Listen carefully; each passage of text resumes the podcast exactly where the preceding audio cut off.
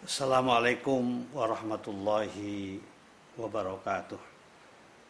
Bismillahirrahmanirrahim. Alhamdulillahi rabbil alamin. Wassalatu wassalamu ala asyrafil anbiya'i wal mursalin. Sayyidina Muhammadin wa ala alihi wa sahbihi ajma'in.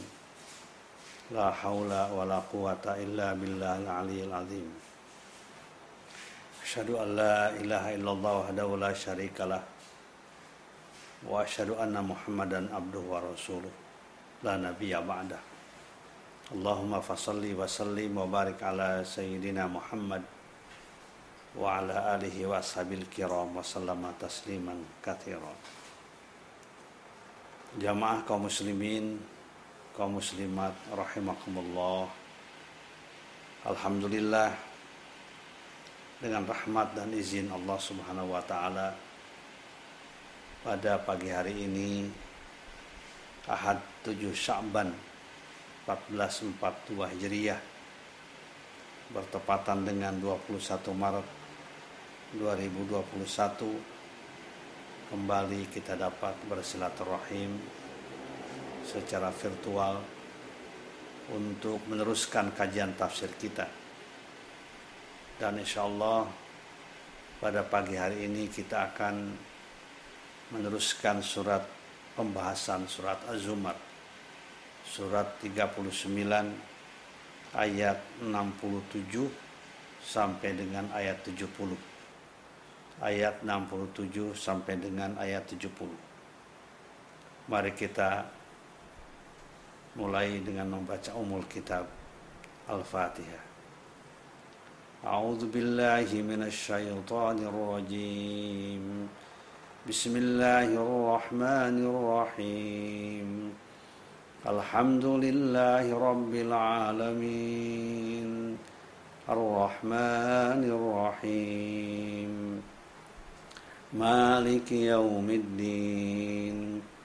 إياك نعبد وإياك نستعين. اهدنا الصراط المستقيم. صراط الذين أنعمت عليهم غير المغضوب عليهم ولا الضالين.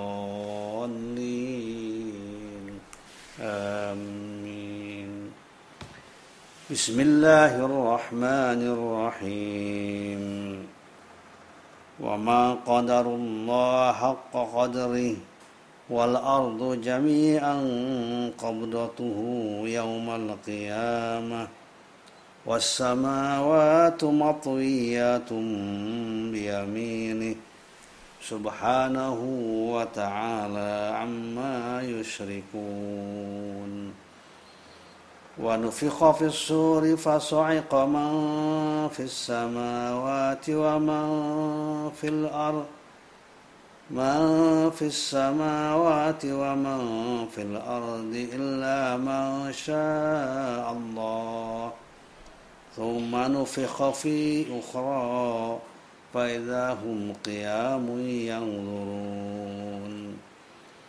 وأشرقت الأرض بنور ربها ووضع الكتاب وجيء بالنبيين والشهداء وجيء بالنبيين والشهداء وقضى بينهم بالحق وهم لا يظلمون وعفيت كل نفس ما عملت وهو أعلم بما يفعلون صدق الله العظيم Bismillahirrahmanirrahim. Wa ma qadarullah dan tidaklah orang-orang musyrik itu mengagungkan Allah. Haqqa qadrihi. Dengan sebenar-benarnya mengagungkan. Wal ardu jami'an dan bumi seluruhnya. Qabdatuhu yaumal qiyamah. Di digenggam oleh Allah pada hari kiamat. Was samawatu dan langit-langit matiwiyanun digulung semuanya biyaminihi dengan tangan kanannya. Subhanahu ma suci Allah wa ta'ala dan maha tinggi Allah. Amma yusyrikun dari apa-apa yang mereka perlakukan syirik kepadanya. Wa nufikha suri dan ditiup tiupan sangkakala. Fasaiqa maka matilah. Man fis samawati wa man fil ardi. Makhluk yang ada di langit dan yang ada di bumi illa kecuali man orang Allah yang menghendaki Allah.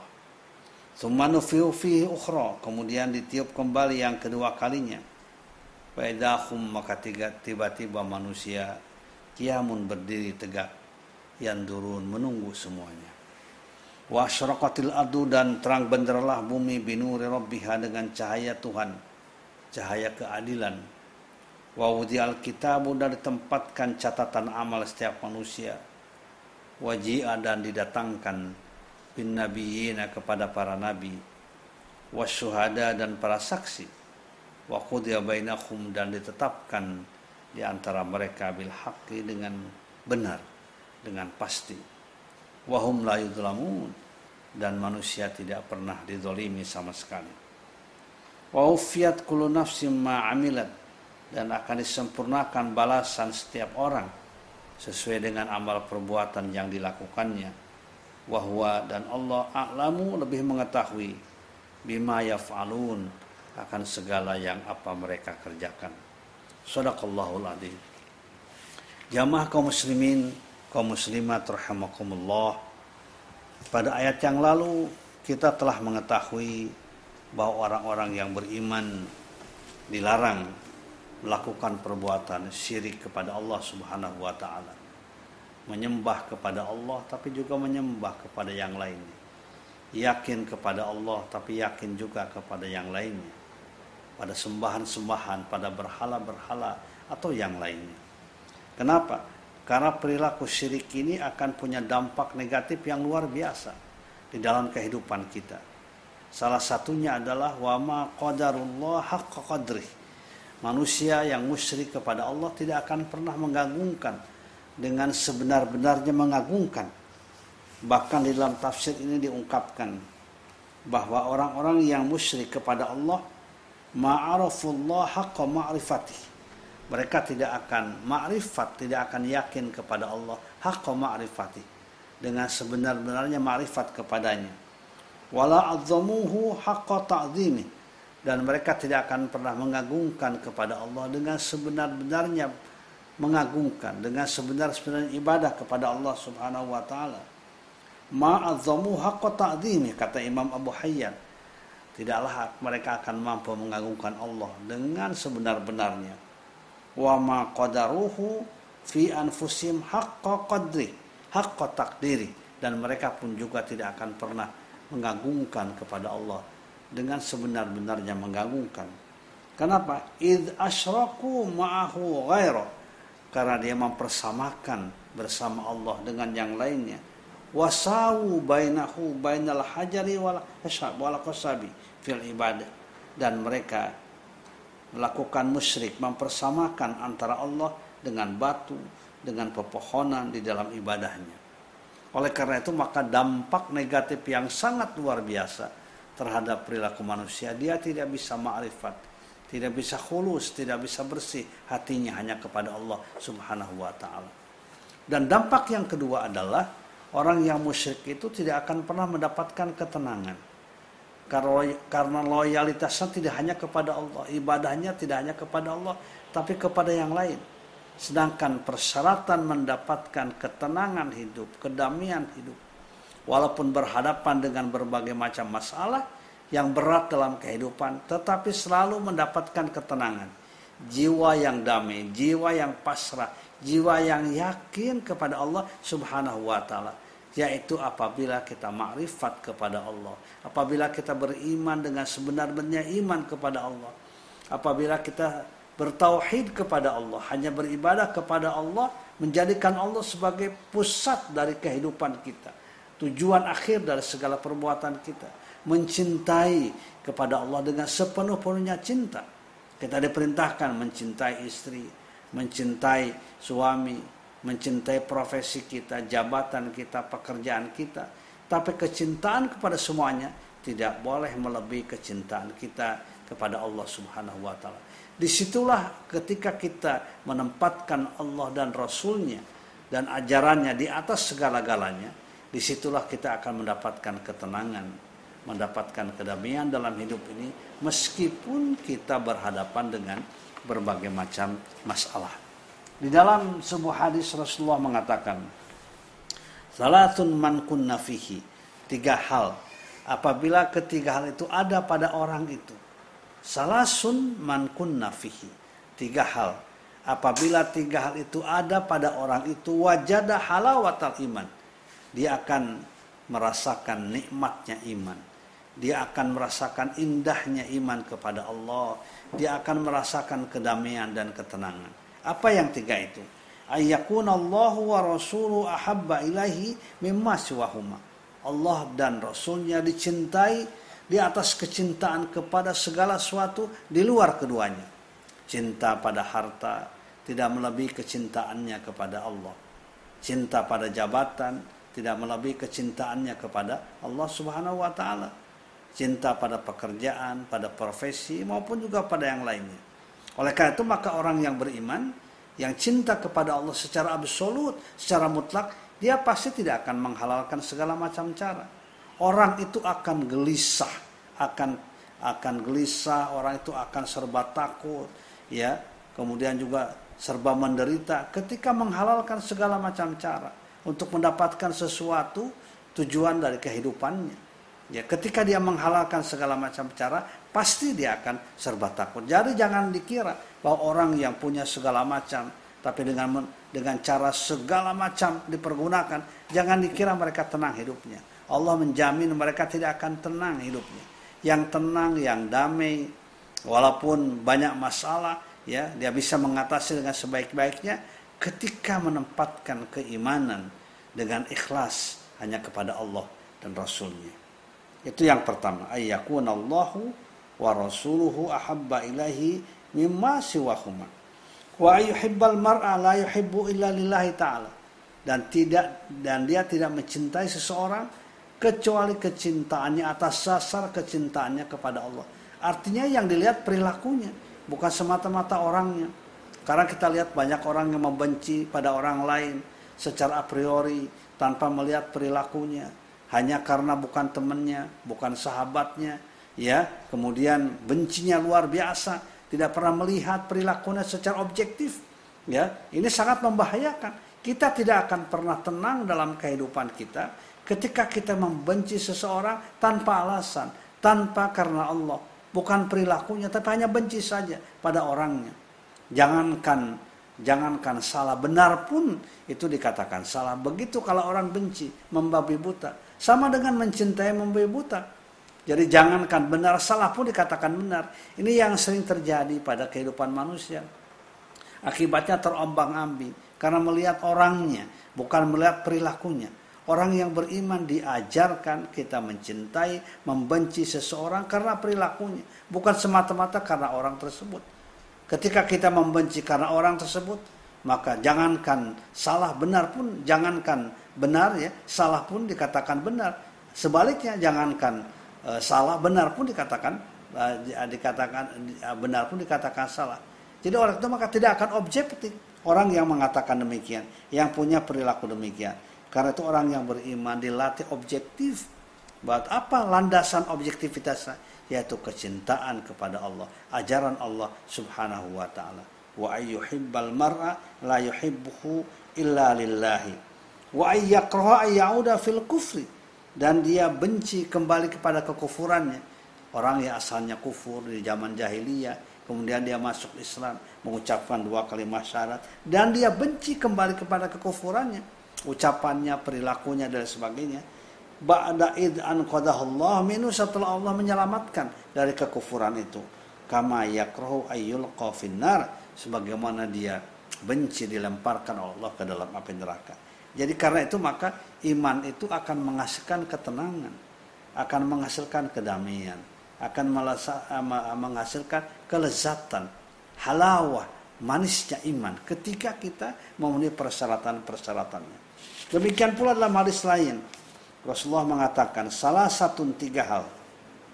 Man qalahuna barang siapa yang sering mengucapkannya, menghayatinya, ya masuk dalam struktur rohaninya, masuk dalam struktur jiwanya. Man qalahuna dakhala jannah. Dia akan dimasukkan oleh Allah ke dalam surganya. Ya. Siapa mereka itu? Man radiya billahi rabban. Ya, barang siapa yang ridho Allah sebagai Tuhannya, yang mengatur kehidupannya, hukumnya yang mengatur dan ke, apa dan lain sebagainya. Rodiya billahi rabban. Dia ridho Allah sebagai Robnya, sebagai Tuhannya. Makanya sering kita mengatakan rodi itu billahi robba. Yang kedua adalah wabil islami dina. Islam sebagai agamanya. Islam sebagai manhajul hayahnya. Kurikulum kehidupannya.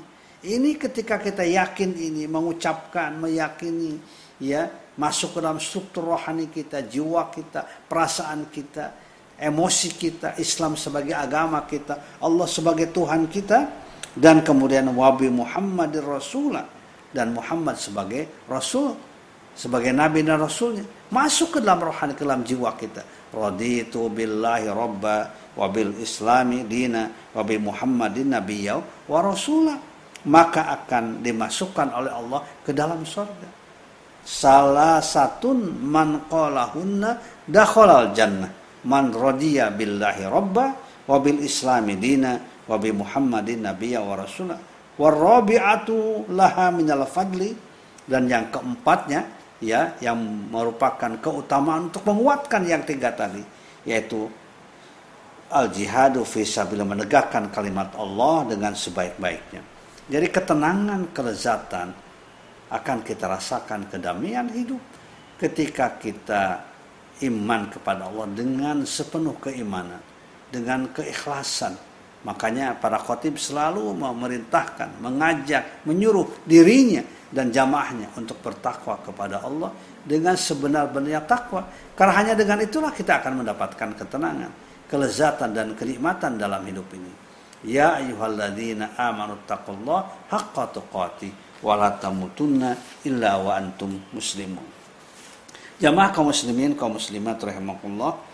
Bagaimana mungkin Allah Subhanahu wa taala dipersamakan dengan yang lainnya, apalagi dengan makhluknya. Subhanahu wa taala amma yusyrikun. Ya, Allah Subhanahu wa taala pada ayat ini menjelaskan ya bagaimana dahsyatnya nanti ketika terjadi hari kiamat, ya. Pada hari kiamat nanti di situlah kita akan melihat bagaimana kekuasaan Allah yang maha mutlak yang maha absolut ya yaitu ayat ini menegaskan wal adu jami'an qabdatuhu yaumal qiyamah was samawati matwiyatum biyamini subhanahu wa ta'ala amma yusyrikun wa nufiqa fis suri dan seterusnya. Maaf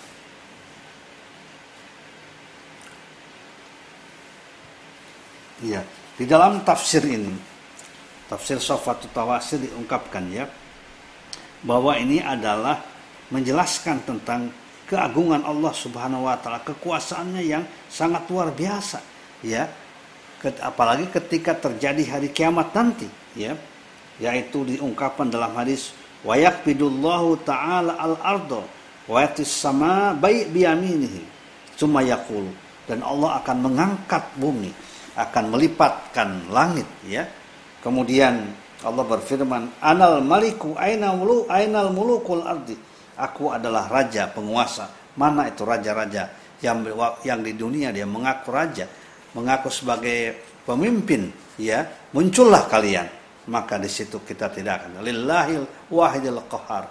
Kekuasaan hanyalah pada Allah zat yang maha memaksa, zat yang maha tunggal dan zat yang maha satu. Subhanahu wa ta'ala amma yusyrikun dan pada saat itu wanufikha sori maka ditiup sangkakala.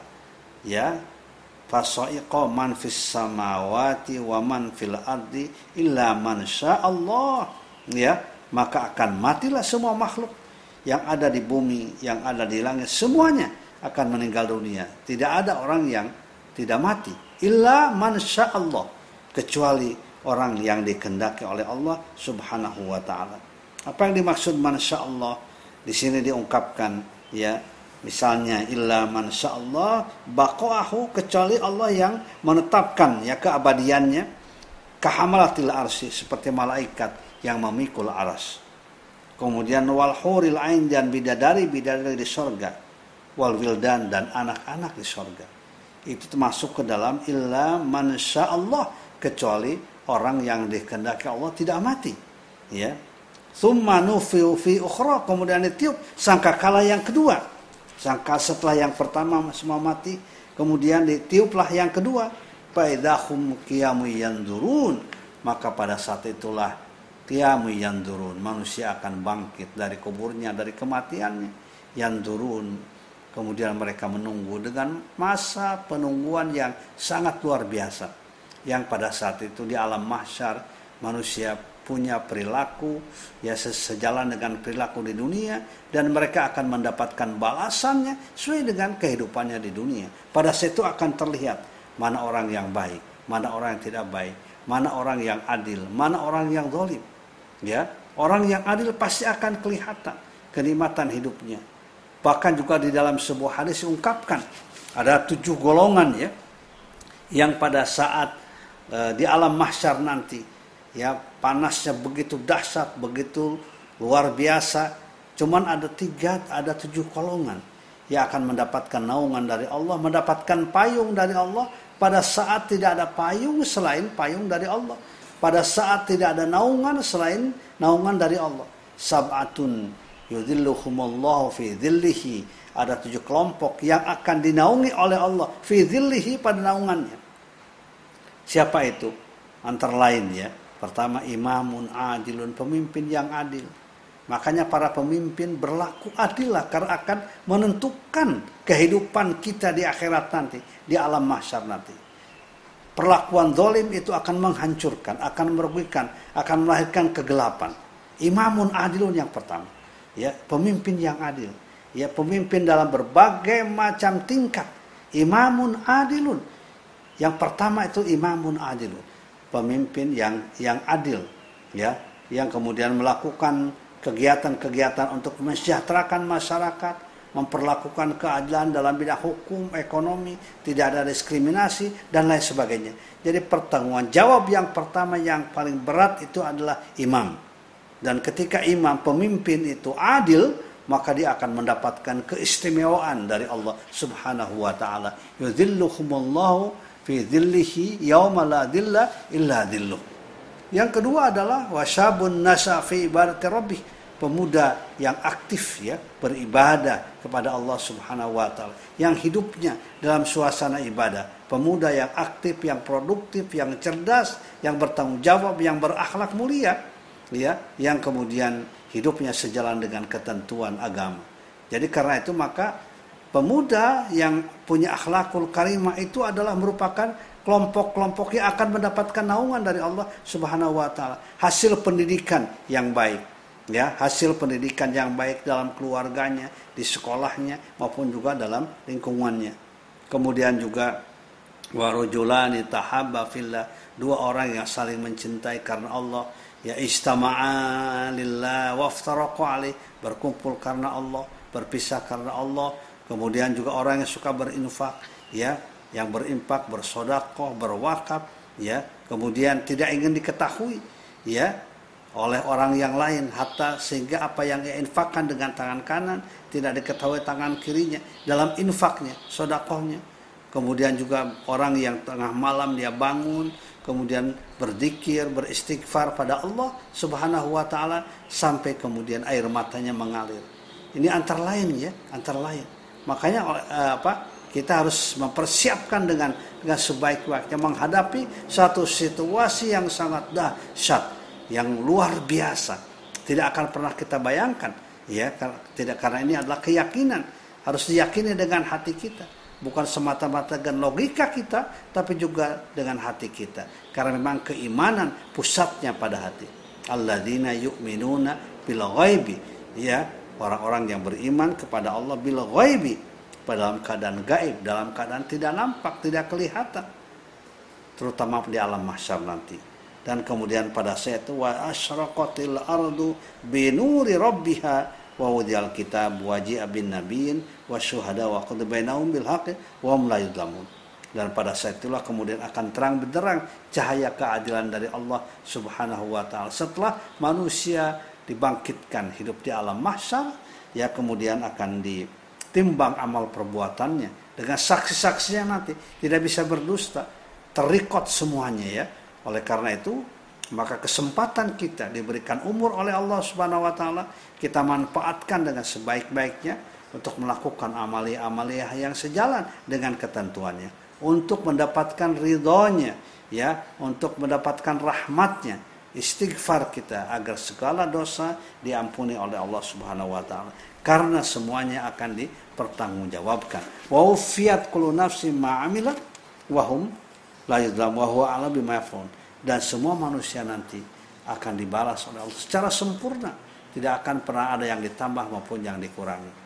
Ya ini untuk menggambarkan kekuasaan Allah Subhanahu wa taala. Karena itu jadidu imanakum bila Allah kita perbaharui iman kita dengan sering kita mengucapkan, membaca, kemudian merenungkan, menghayati kalimat tauhid, kalimat la ilaha illallah Muhammadur Rasulullah sallallahu alaihi wasallam. Wallahu a'lam bishawab.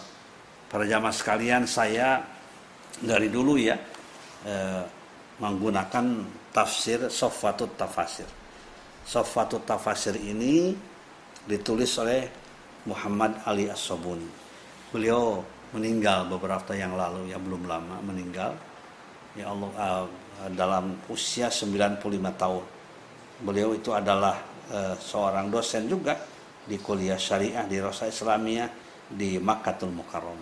Kita doakan mudah-mudahan beliau diampuni segala dosanya, mendapatkan husnul khotimah, kemudian diterima iman Islam dan amal soleh yang luar biasa Insya Allah pahalanya kitabnya kita baca yang kita pelajari pada setiap hari ahad ini akan mudah-mudahan akan mengalirkan pahala bagi beliau.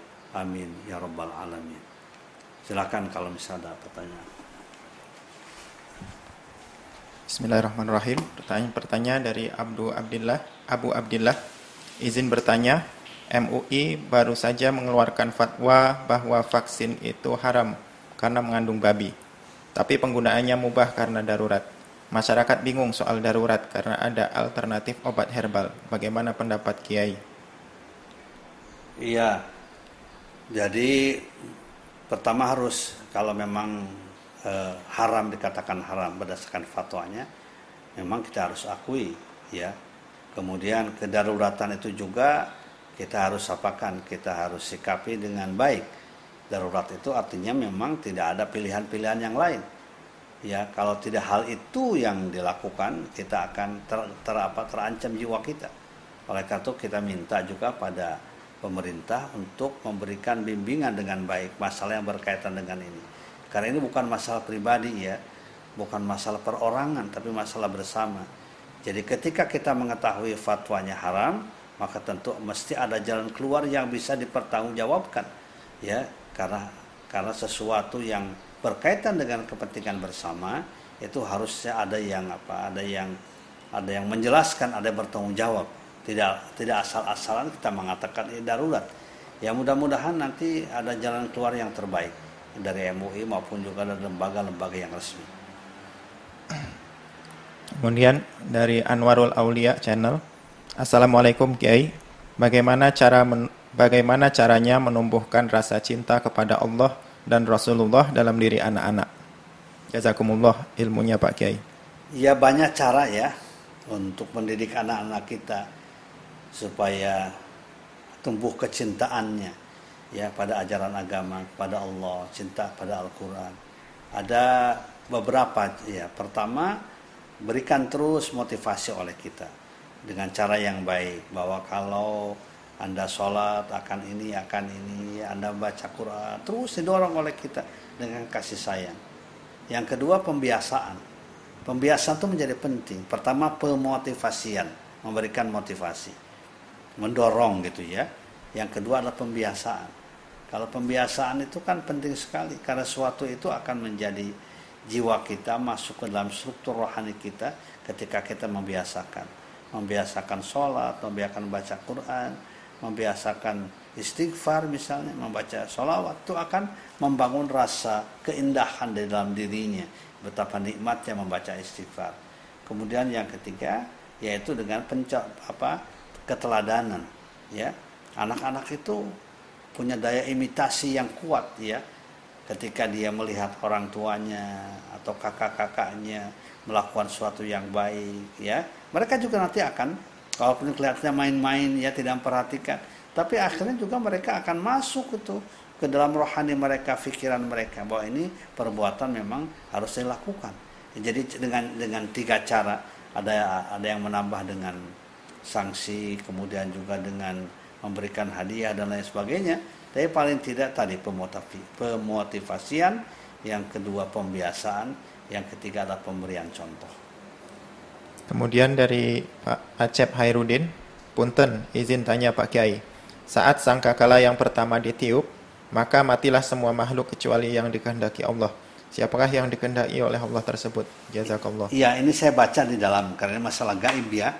Ya kita baca di dalam tafsir tadi, ya. Jadi yang dimaksud dengan illa man Allah ya, kecuali orang yang dikehendaki oleh Allah, di sini jelaskan ya pada tiupan apa yang pertama itu. E, yaitu pertama adalah e, hamalatul arsy malaikat yang memikul yang mendapatkan tugas memikul aras. Yang kedua wal hurul ain bidadari bidadari yang indah ya. Kemudian wal wildan dan anak-anak yang nanti akan ada di sorga. Itu semuanya adalah tidak mati pada sangkakala yang pertama. Ini yang diungkapkan di dalam tafsir Sofatut Tafasir ya pada surat Az-Zumar ini halaman 88. Silakan kalau yang ada dilihat nanti.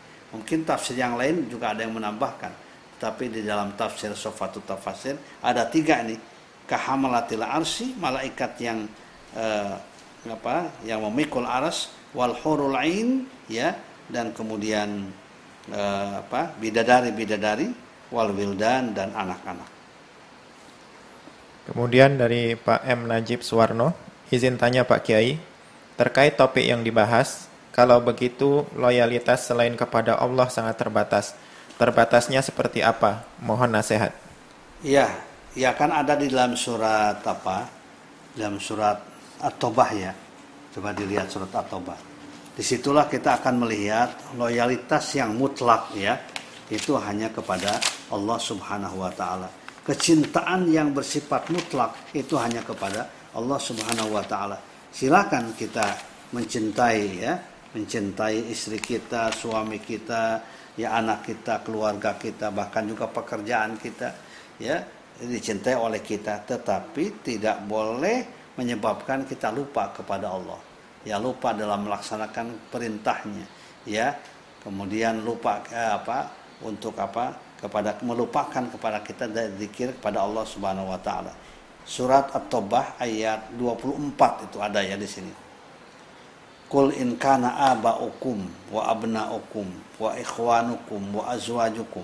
Katakanlah jika bapak-bapak kamu, anak-anak kamu, saudara-saudara kamu, istri-istri kamu, suami-suami, asyiratukum, keluarga kamu, wa amwalun tumuha dan harta yang kalian cari, wa tijaratun tahsauna kasada dan perdagangan yang kalian takuti kerugiannya, wa masakinu tardaunaha dan tempat-tempat tinggal yang kalian senangi. Ahabba ilaikum minallahi wa rasulihi wa jihadin fi sabilihi.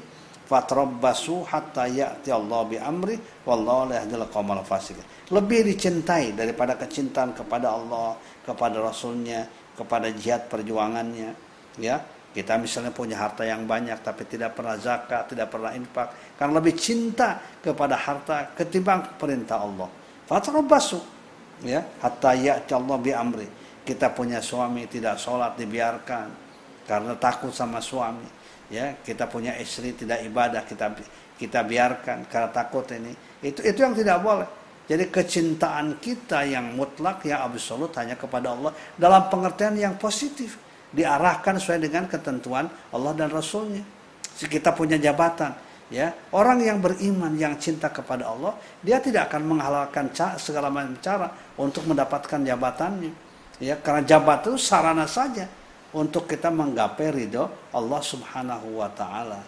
Ya, di dalam sejarah itu sejarah para sahabat, para sahabat itu adalah mereka para aktivis, mereka para pedagang, pelaku ekonomi. Ya, bahkan diangkapkan dalam Al-Qur'an surat An-Nur 37 ya yang sering juga saya sampaikan. Ya, rijalun la tulhim tijaratun wala bayun an dzikrillah wa iqamis shalah wa ita'iz zakah. Di masjid itu ada orang yang sibuk dengan kegiatan ekonomi, ya kegiatan pasar, ya kegiatan perdagangan, akan tetapi la tulhihim ya tidak melupakan pada mereka untuk melaksanakan sholat, berzikir kepada Allah, ya kemudian zakat, infak, sodako dan lain sebagainya. Itu yang dimaksud dengan apa? Kecintaan yang bersifat mutlak absolut kepada Allah dan Rasulnya. Sedangkan pada yang lainnya bersifat relatif, bersifat tidak absolut begitu. Bahkan juga kepada pemimpin juga kan begitu Coba dilihat dalam surat An-Nisa ayat 5 9 kalau tidak salah. Ya ayyuhalladzina amanu Allah wa atiur rasul. Orang yang beriman diperintahkan taat kepada Allah dan Rasulnya ati Allah wa atiur rasul. Tapi ketika ulil amri tidak pakai atiu.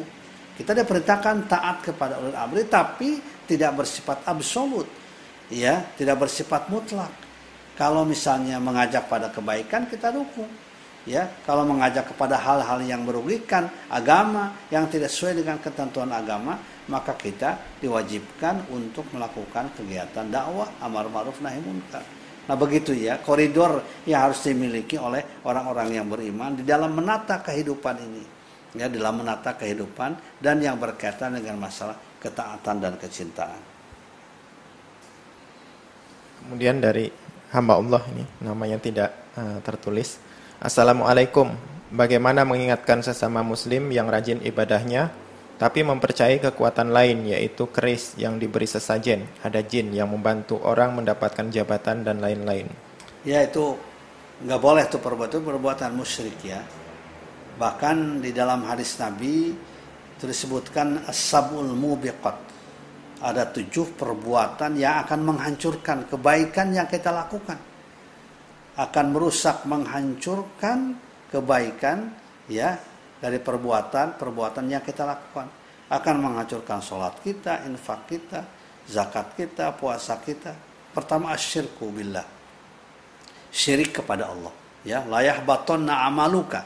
Ya, ayat yang lalu yang kita pelajari. Lain asyrokta, layah batonna amaluka. Kalau Anda syirik, layah batonna amaluka. Maka akan hancur amal perbuatan. Ya, yang baik yang pernah Anda lakukan wala takunanna minal khasirin dan akan menjadi orang yang merugi. Yang kedua as-sihru, sihir. Jadi sihir itu kan di dalam Quran itu surat Al-Baqarah 102 itu dikatakan as-sihru al-kufru. Sihir itu bisa menyebabkan kekufuran. Ya, karena sumbernya setan sihir itu. Wa ma Sulaiman walakin asyayatina kafaru yu'allimuna an-nasa tidaklah kufur Nabi Sulaiman, tidak melakukan kegiatan sihir, tetapi yang melakukan kegiatan sihir adalah setan. Jadi oleh karena itu maka tinggalkan perbuatan-perbuatan yang semacam itu. Kita harus sayang pada diri kita, ya. Kita harus apa? Manan kita, kita harus bersihkan dari hal-hal yang yang apa yang merusak akidah kita. Tidak ada manfaatnya, tidak ada gunanya karena itu benda-benda mati ya. Oleh karena itu maka hidupkan hati kita ya dengan zikir kepada Allah, dengan ingat kepada Allah. Hidayah. Jadi kalau ada orang-orang yang yang berlindung kepada kepada apa? Kepada jin, itu sebenarnya adalah menyebabkan mereka tambah-tambah apa kerusakan ya jadi kata kita tinggalkan sekali lagi keyakinan kita hanya kepada Allah Subhanahu wa taala kemudian dari Pak Abdullah di era informasi saat ini, hmm. media sangat penting untuk kepentingan dakwah. Seperti adanya Kalam TV. Hmm. Kita semua bisa menyimak kajian kiai. Namun, masih banyak umat yang kurang peduli masalah ini. Bagaimana cara menyadarkan umat pentingnya mendukung adanya media dakwah? Iya, ya kita sama-sama kita terus ya. Mudah-mudahan dengan terus nanti masyarakat akan tergugah hatinya, kesadarannya, komitmennya kepada perjuangan. Dan kita sadar betul bahwa apa dakwah melalui teknologi ini menjadi sesuatu yang sangat penting ya seperti sekarang misalnya ya bisa didengar oleh berbagai kalangan dengan yang apa skup yang lebih luas. Ini kan bermanfaat ya.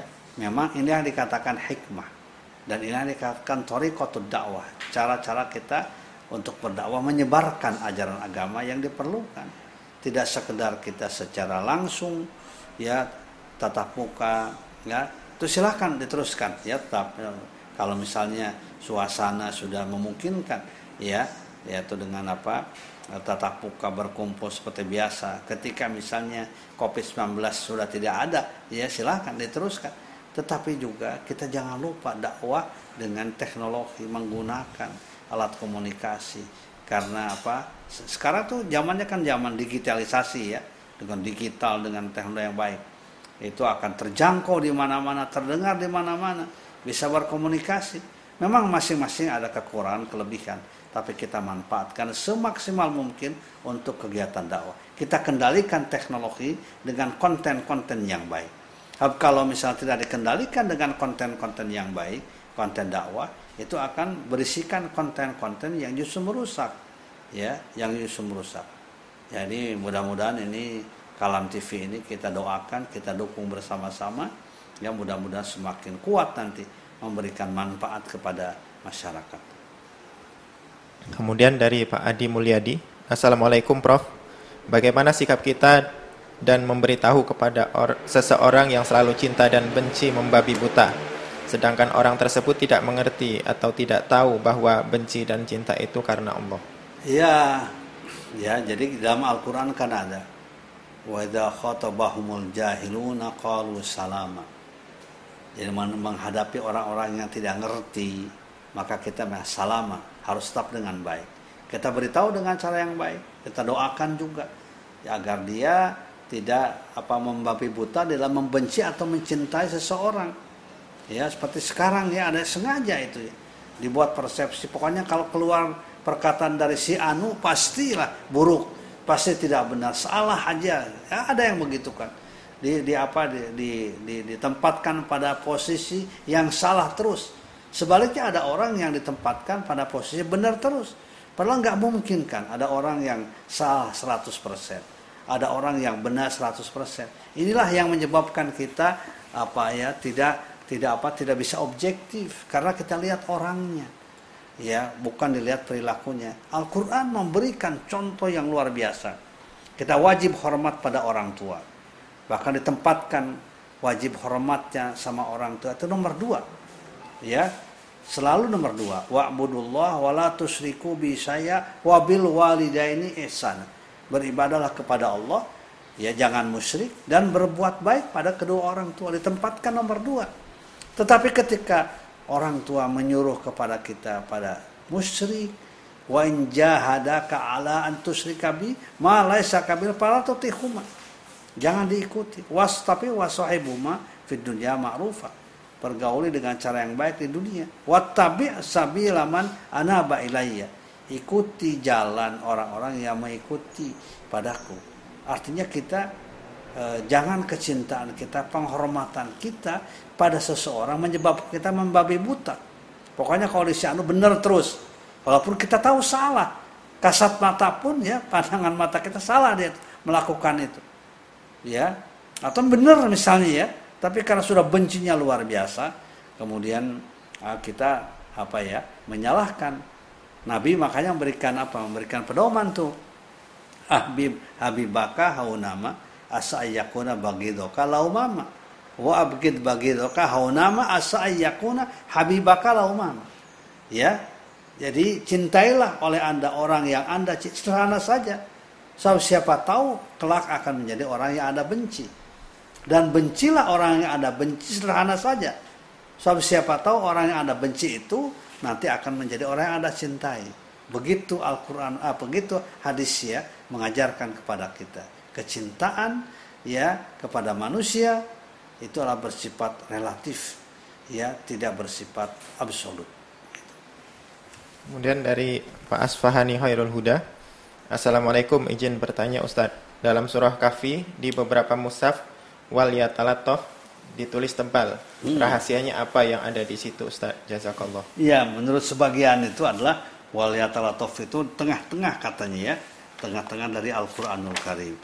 Jadi wal wal yatalatof itu artinya adalah kan ini diperintahkan ketika ashabul kahfi keluar itu mau cari makanan ya mau cari makanan dengan membawa uang yang lama diperintahkan diam-diam jangan sampai diketahui oleh um, masyarakat yang lain. Dan ternyata memang itu sudah ratusan tahun ya. Akhirnya mata uangnya pun juga sudah tidak berlaku lagi ya. Jadi walayatalatos itu itu di tengah-tengah Al-Qur'an ya. Eh, eh, kalau kalau apa sebagian besar mengatakan itu dan kemudian ayat itu mengingatkan kepada kita tentang apa perjuangan dari ashabul kahfi yang ketika dia setelah setelah karena dia bencinya ya tidak mau dikendalikan oleh penguasa jahat dia lebih baik lari dan dilindungi oleh Allah masuk ke gua al kahfi itu kan gua kemudian ditudurkan oleh Allah dalam waktu yang lama sehingga saking lama apa tidurnya ketika keluar itu ternyata mata uangnya sudah sudah sudah nggak berlaku. Wal yatalatop wala yusron nabikum ada karena ya harus apa? Harus sembunyi sembunyi diam diam ya. Jangan ribut begitu. Jangan kelihatan wala yusron nabikum ada dan jangan sampai diketahui oleh orang. Siapa pun juga nggak boleh ya. Ini menggambarkan bagaimana bagaimana mereka tetap menjaga keimanan keyakinan. Ternyata karena sudah ratusan tahun orang sudah tidak kenal lagi kepada yang bersangkutan. Begitu ya. Jadi intinya menurut sebagian ulama itu wal yatalaftaf itu adalah di tengah-tengah dari Al-Qur'anul Karim. Terus dan dari Pak Teddy Rosadi. Assalamualaikum warahmatullahi wabarakatuh.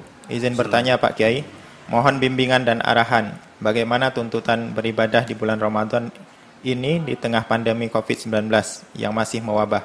Jazakallah. Iya, iya. Mudah-mudahan tentu Ramadan sekarang akan lebih melandai ya kita berdoa kepada Allah. Ya, lebih lebih ringan ya. Syukur-syukur kalau diangkat oleh Allah Subhanahu Wa Taala.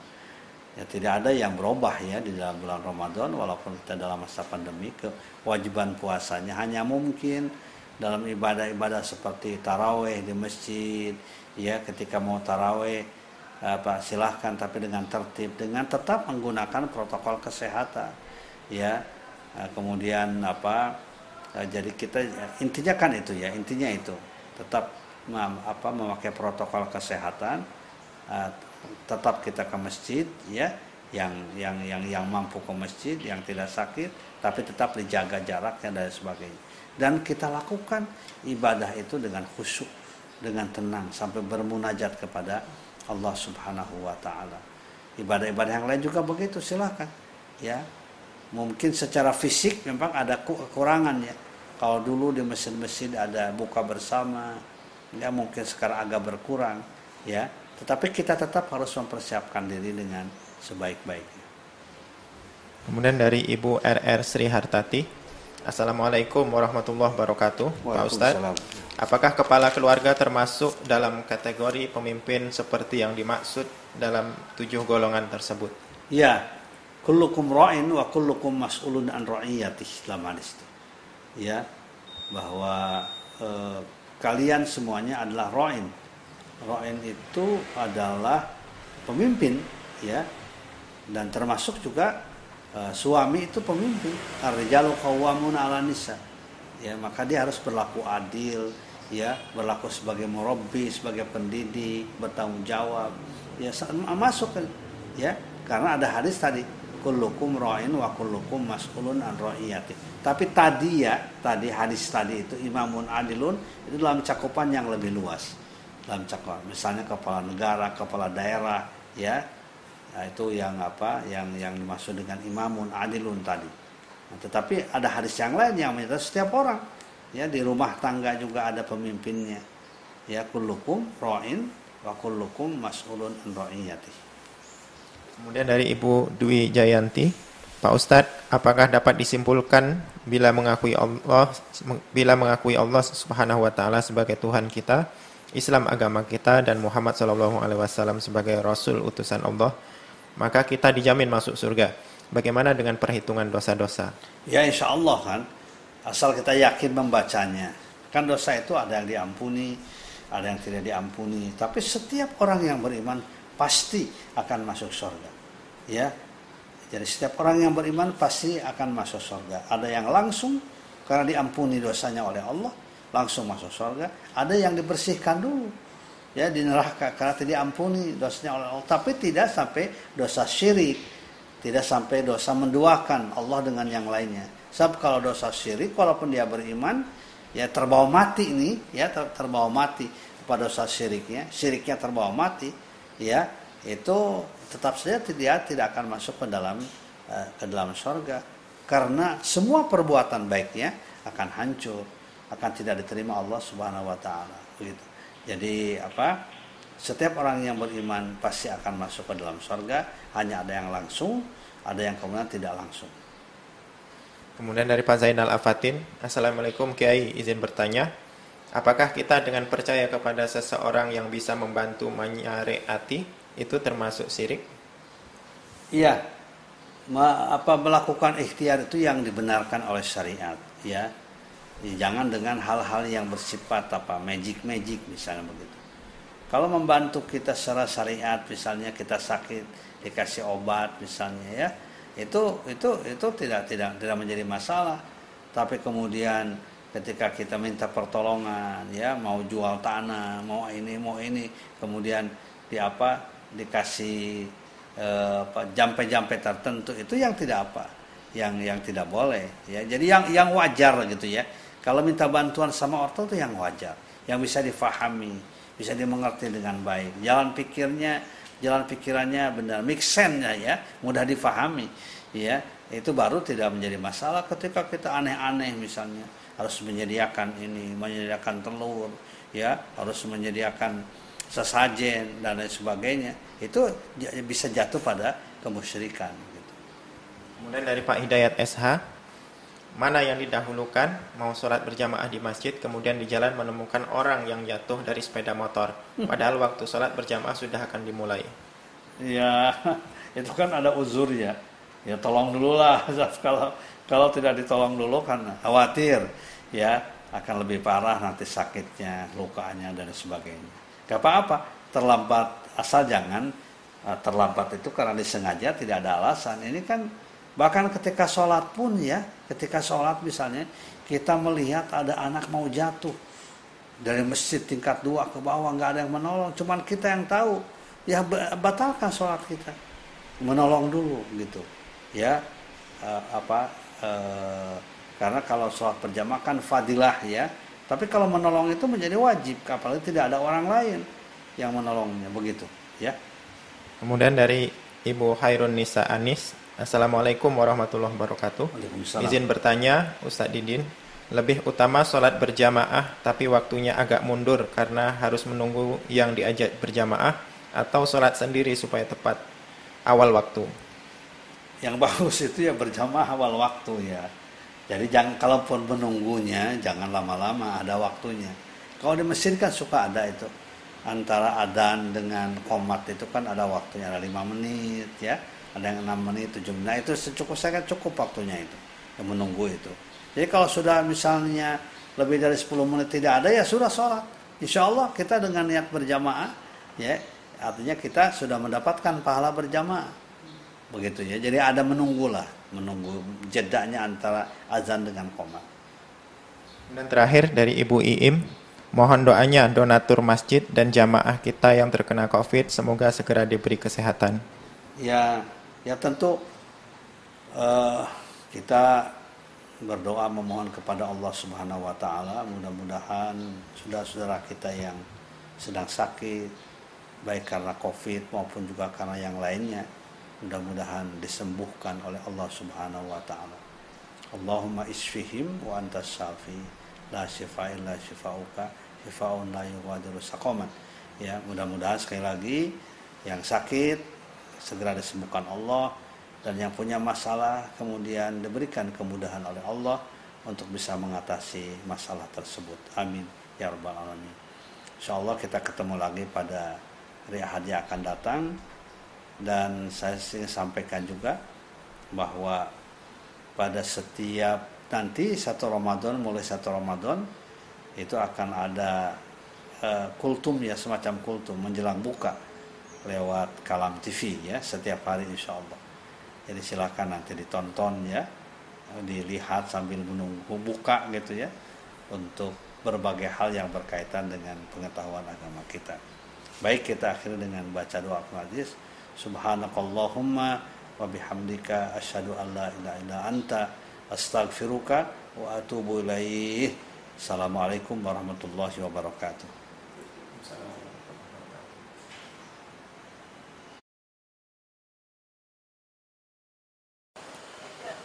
Assalamualaikum warahmatullahi wabarakatuh. Bismillah, Alhamdulillah. Wassalatu wassalamu ala rasulillah wa ala alihi wa sahbihi wa mawalah. Masjid bagi kaum muslimin adalah tempat yang paling strategis, paling penting dalam kehidupan umat. Kita bisa melaksanakan sholat berjamaah kita bisa melaksanakan kajian-kajian keislaman, mempersatukan umat, membangun ukhuwah Islamiyah. Oleh karena itu maka setiap masjid harus kita dukung baik pembangunan secara fisik maupun juga kegiatan-kegiatannya. Masjid di tempat saya berdiri sekarang adalah Masjid Al-Hijri 2, kampus UIK Bogor, yang sekarang sedang mengalami terus-menerus peningkatan pembangunannya karena itu saya mengajak kepada saudara-saudara kaum muslimin, kaum muslimat, di mana pun Anda berada, untuk ikut berpartisipasi, memberikan sebagian dananya, harta yang dimilikinya, termasuk doanya, agar masjid Al-Hijri 2 ini segera bisa diselesaikan dengan baik. Semoga Allah Subhanahu wa taala membalas amal ibadah saudara sekalian dan akan memberikan pila nanti di rumah di surga Allah Subhanahu wa taala. Amin ya rabbal alamin. Assalamualaikum warahmatullahi wabarakatuh.